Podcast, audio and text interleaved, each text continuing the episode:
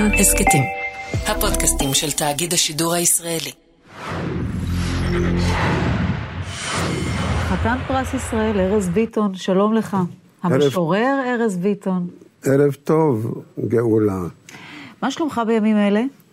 שלומי טוב, אני בחוויה חריפה מאוד, חזקה מאוד עדיין, של הביקור שלי במרוקו לפני כמה ימים, שהייתי שם בכל מהלך הסוכות, ונפתחה אצלי אופציה לאמת או להתכתב אה, דרך השירים שכתבתי על האימא שלי ועל אבא שלי, על הילדות שלהם ועל הכפרים שלהם, עם המציאות של להגיע פעם אחת ולתמיד לאותם כפרים, לראות כצעקתה או כשמחתה. האם כשהיית שם, הרגשת שהביקור שלך שם מתכתב עם משהו היום שיח ער בישראל, אני לא יודעת אם לצערך או לשמחתך, על אפליה, על גזענות, אותם אנשים שטוענים, האפליה לא הלכה לשום מקום של המזרחיים, היא רוצה... עדיין כאן לגמרי, אל תטאטאו אותה. אני רוצה לגלות לך סוד.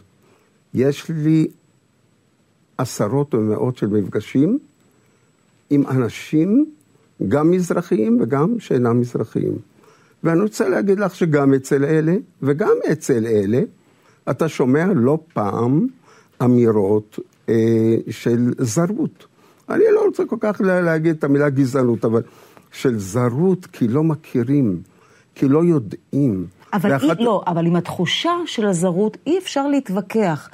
אבל עם אפליה שיטתית שקיימת גם היום, אפשר להתווכח עם הטיעון הזה?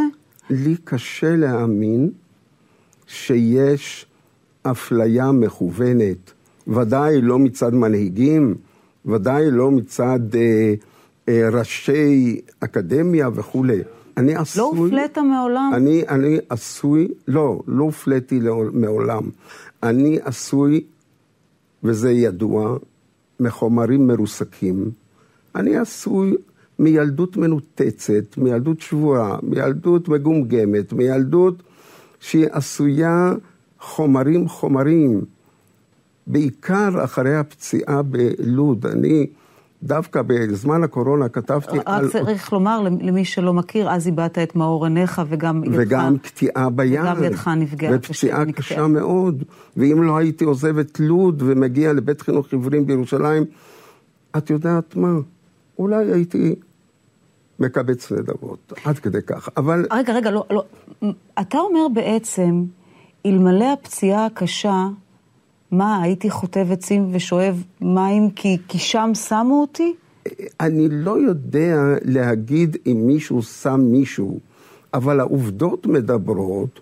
אני כתבתי שיר שאומר, הכל התחיל ב-19 בנובמבר 1951, שם בעיר לוד, רחוב כ"ט 12, ילד עלה בעשן.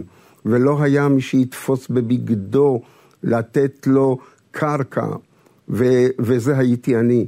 ורק אמי ניסתה לאחוז בכנב בגדי, לתת לי איזה שהן אחיזות באדמה ובמציאות. אז הקטע הזה, הוא, הוא אומר את אותה התחלה שבאמת אה, באה ממקום קשה, אבל אני בנוי גם מחומרים של תחייה, מחומרים של בנייה.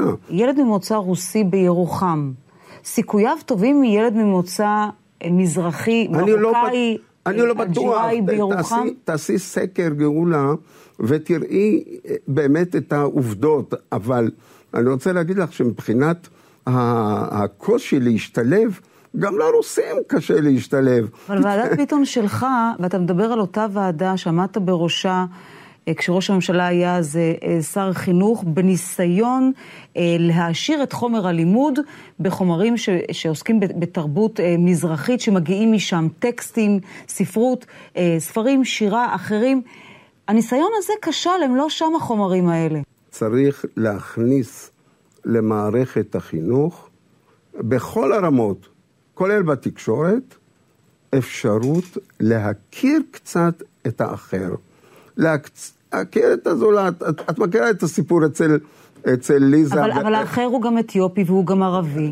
נכון. ואולי הם, הם המודרים בימים האלה. אני בטוח שהם מודרים, צריך גם להכיר. איך אתה והם חי, כן מודרים אתה חי ליד ממסדית? שכנים מעבר לפינה ואתה לא יודע איך הם חיים. אני רוצה לשאול אותך, כשאתה אתה רואה באמת את העיסוק הער בשאלה הזו של אפליה, אז כשבא פוליטיקאי ובוחש בזה, הוא, הוא, הוא בודק את האלקטורט או שהוא עושה את זה מדם ליבו. כשבא פוליטיקאי ומשנה את שמו, או מוסיף לשמו שם נוסף שנתנו לו הוריו, שלא היה איתו אה, שנים ועכשיו הוסיף אותו, הוא עושה את זה מטעמי אה, דיאלוג עם הזהות שלו, והרצון שלו להבליט את הזהות שלו, שאולי פעם מתבייש בה, או מטעמים אלקטורליים. אני אומר שאסור לדבר על אפליה. צריך לקדם את האנשים גם מתוך דרישה אליהם, לעשות מאמץ, אה, ללמוד, חינוך, חינוך, חינוך. זה לא להאשים את, את המופלה? ולא להאשים אחרים. אני אה, נתתי אבל את זה הצ- קצת להאשים את המופלה, אני לא רוצה להגיד קורבן, לא, אבל כשאתה אומר תעשו אני- מאמץ, אני, כן, צריך בוודאי. לתת כלים, לא? לעשות מאמץ זה אומר גם להשוות אמצעי חינוך, וזה לא בעיה לראות מה סל החינוך של ילד בדימונה או בירוחם לעומת סל חינוך של ילד בצפון תל אביב או ברמת אביב או אינני יודע. צריך להשוות, זה עניין כלכלי טכני. אני אני רוצה לשאול אותך, ארז, הרי במקור אתה לא ארז, אתה יאיש. האם שקלת לחזור לשם נעוריך, לשם שנתנו לך ההורים שלך? לא, לא השם ש... לא שקלת. לא, לא, לא. כי אתה לא יאיש? כי אני לא, אני, אני האיש אצל אולי אחד האחים, שכשהוא רוצה לפנק אותי בלוד, הוא אומר לי, היי האיש, המה. או, אבל אני הולך וצומח יותר ויותר אל תוך ארז. אני הרי עברתי מלוד לבית חינוך עיוורים בירושלים. נפתחו לפניי עולמות. אחד הדברים הנפלאים ש, שקורים לי זה שאני לא- פותח יוטיוב בטלפון הנייד שלי, ואני שומע את הפתטיק של בטהובן, ואני שומע את הכינורות של באך. אז יגידו לך משתכנז. רגע, אבל אני במקביל גם שומע את, אה, את, אה, סמיל מוגרבי ואת שייח' זוזו. אני, אני רועד כשאני שומע את שייח' זוזו. אני רוצה לשאול אותך, כי, כי נגמר לנו הזמן, אבל בטח ראית השבוע את ההשמצות והגידופים שחטפה חברת כנסת אה, שירלי פינטו, חברת כנסת אה, חירשת, אה, טיפשה, סתומה, טוב שאת חירשת, טוב ש... אגב, ציוץ שהיא צייצה, טוב שאנחנו לא שומעים את הקול הצרצרי שלך. אז בסוף, אתה כבשת פסגה, והיא כבשה פסגה, אבל מטיחים בה את חרשותה. אז אולי לא עשינו כזאת כברת דרך משמעותית, כי אם בסוף יוצא ה- יא חירשת, יא אוטיסט, יא עיוור, יא נכה במגרש כדורגל. אני אגיד לך את האמת, אני מתבייש, מתבייש באותו כתב שדר. שהטיח את הדברים האלה מול פינטו. פינטו בשבילי היא פסגה של מימוש עצמי, של דוגמת מופת. לסיום, אלמלא היית עיוור, היית משורר?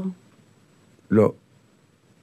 אלמלא הייתי עיוור, במקרה הטוב הייתי עובד קבוע, הלוואי, קבוע. בנמל התעופה? בשדה התעופה, ואם לא, אולי הייתי רוכל בשוק או משהו כזה. זה נורא. אבל, אבל, רגע, לשמוע. שלא תתבלבלי, הייתי מעדיף להיות רועה ולהיות זבן בשוק, שזה דבר נפלא להיות זבן בשוק, שאתה עושה את זה מתוך שמחה, מאשר להיות עיוור, אינטלקטואל, עם היכולת. אבל את יודעת מה, אולי עצם הישיבה הזאת שלנו מאפשרת לי להגיד איזושהי מילה טובה, מעבר לכל השברים וכל השנאות וכל ההתכתשויות. להגיד מילה טובה על ארץ ישראל ועל מדינת ישראל, זה לא מובן מאליו. אני מאוד מודה לך, ארז ביטון, תודה רבה שהיית איתנו. תודה רבה, גאולה.